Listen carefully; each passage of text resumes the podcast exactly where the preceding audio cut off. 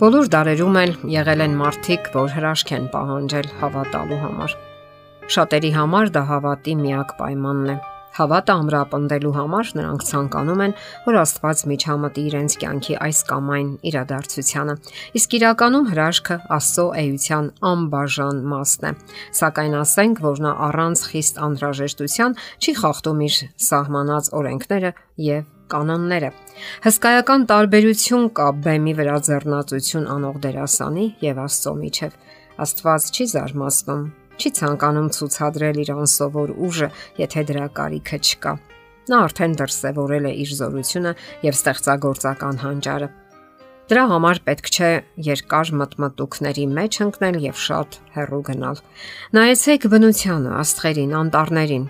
ձեր շրջապատին, Զբոսնելով այգում կամ անտառում մենք սովորաբար տեսնում ենք ծառեր ու թփեր, տերևներ ու պտուղներ ամենատարբեր չափի ու ձևերի, բայց մենք երբեք չենք մտածում, որ ակամա վկաներն ենք ճարտարապետական, քիմիական, ավիացիոն եւ ինֆորմատիկայի հրաշքների։ Սակայն հրաշքները հենց մեր կողքին են։ Բավական է միայն ուրشادիր նայել մեր շուրջ բոլորը։ Մարդիկ սովորել են այն բանին, որ շրջապատող բույսերն ընդհանրապես հյուրասենյակի կամ տոնական միջոցառումների զարդարանք են։ Նրանք հաճելի միջավայր որոշակի տրամադրություն են ստեղծում, բայց մտածում ենք արդյոք, թե ինչպիսի բարդ գործընթացներ են ապահովում հույսերի շրջվելը դեպի լույսի աղբյուրը։ Մենք դա այնքան բնական ենք ընդունում, կարծես հենց այդպես էլ պետք է լիներ, բայց ինչպես են նրանք կարողանում էներգիայի վերածել լույսը։ Ասենք որ այդ տեխնոլոգիան գերազանցում է գիտության նվաճումները։ Ահա թե ինչու Դավիթ Թագավորը Աստծո մասին գրում է. Նա իր վերնատներից ջուր է խմեցնում լեռներին։ Քո գործերի պտուղներով կշտացնում ես երկիրը։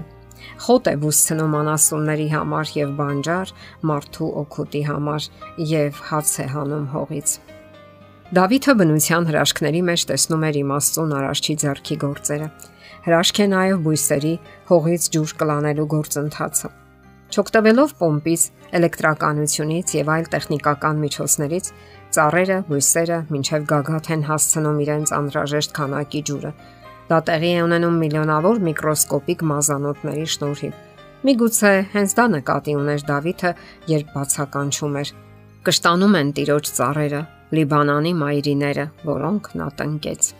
Բույսերը նաև ապշեցնում են իրենց ճարտարապետական կառուցումներով։ 1950-ական թվականներին մրցույթ է անցկացվում Լոնդոնի համաշխարհային ցուցահանդեսի շինության լավագույն նախագծի համար։ Հաղթողը իր նախագծում օգտագործում է արխայական ջրային շուշանի կառուցվածքային առանձնահատկությունները եւ արդյունքը հոյակերտ հաղճապակյա պալատներ։ Բույսերը գերազանցել են մարդուն նաև օթում սավառնելու արվեստում։ Նայեցեք բույսերի սերմերին, Նրանք հանդարտ ու սիգաճեմ ճանապարհորդում են օթում, որոնելով համապատասխան հող իջնելու եւ բազմանալու համար։ Դրա լավագույն օրինակը խատուտիկն է, որ տարածում է սերմերը փոքրիկ պարաշյուտների օգնությամբ։ Ընդ որում, մինչև տարածելը բույսը նախ որոշում է օթի հարաբերական խոնավությունն ու ջերմաստիճանը, քամու արագությունը։ Միայն բարենպաստ պայմանների դեպքում են սերմերը փոկվում բույսից եւ սկսում իրենց ճանապարհորդությունը։ Կարծես անտեսանելի մի ձեռք ղեկավարում է այդ աշխարհը եւ այդ երևույթից են օգտվել օթագնացության առաջամարտիկները ուսումնասիրելով լիանայի սերմերը։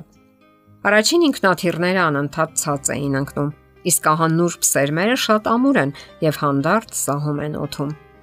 Սերմերը զարմացնում են նաև իրենց մեջ պարունակվող հսկայական քանակի տեղեկատվությամբ Յուրաքանչյուր սերմ ունի ապագա բույսի բոլոր բնորոշիչները՝ արտաքին տեսք, վարք, չափ, ձև, գույն, հակազդեցությունը շոքին, ցրտին, լույսին ու խավարին, քամուն։ Այդ բոլորը ծրագրավորվում է սերմի մեջ։ Ավելացնենք նաև տերևների, ողբոշների, ծաղիկների, արմատի, պտուղների, ճյուղերի ողջ բնորոշիչները։ Այս բոլորը ծրագրավորելու համար կպահանջվեր միլիոնավոր թվային ծածկագրեր, Արդյոք սա չի ապացուցում արարչի անսահման իմաստությունն ու հրաշքները։ Այո, նա կարողանում է լուծել հազարավոր բարդ խնդիրներ, նրա զորությանն է ենթարկվում ամեն ինչ։ Ահա թե ինչու մենք կարող ենք ամբողջովին ապավինել նրան, ում համար անհնար ոչինչ չկա։ Նրան հայտնի են մեր հոգում կուտակված ցավերն ու տարապանքները, ոչինչ չի վրիպում նրա աչքից, եւ նա պատրաստ է օգնության հասնել մեզ։ մենք կարող ենք վստահ ապավինել նրան, ով ստեղծել է արխայական ջրային Շուշանը, բնության հազարավոր հրաշքները։ Այդ բոլորի մեծ ճարտարապետը մեր հուսալի հենարանն է կյանքի դժվար պահերին։ Նա ընդունակ է վերականգնելու մեզ իր հանճարեղ մտահղացումներով, ընդունակ է բժշկելու մեր ամենատարբեր հիվանդությունները եւ տկարությունները, եւ նման հրաշքների օրինակներ բազմաթիվ են, թե Աստվածաշնչում եւ թե կյանքում։ Մենք հաճախ շփոթահար ենք, հուսահատ ու մոլորված։ Պատասխանատու պահերին մեզ անհրաժեշտ է ինչ որ մեկի օգնությունը։ Կյանքի խաչմերուկներում մենք չգիտենք թե ինչ է սպասվում մեզ ապագայում Մեզ անհրաժեշտ է հստակ առաջնորդություն, ուղղորդող ամուր ձեռք, եւ նա, ով կյանք է արարել եւ կառավարում է ողջ տիեզերքը, ով լուծում է ամենադժվար խնդիրները, հայտարարում է. Կուսուցանեմ քեզ եւ կսովորեցնեմ քեզ այն ճանապարհը, որով պիտի գնաս, կխրատեմ քեզ, իմ աչքը քեզ վրա կլինի։ Եվ սրանք հուսալի խոսքեր են։ Այսպիսի հզոր ճարտարապետին կարելի է վստահել ու հուսալ, եւ նա ցույց կտա ճիշտ ճանապարհը։ Հարցերի եւ առաջարկությունների համար զանգահարել 033 87 87 87 հեռախոսահամարով։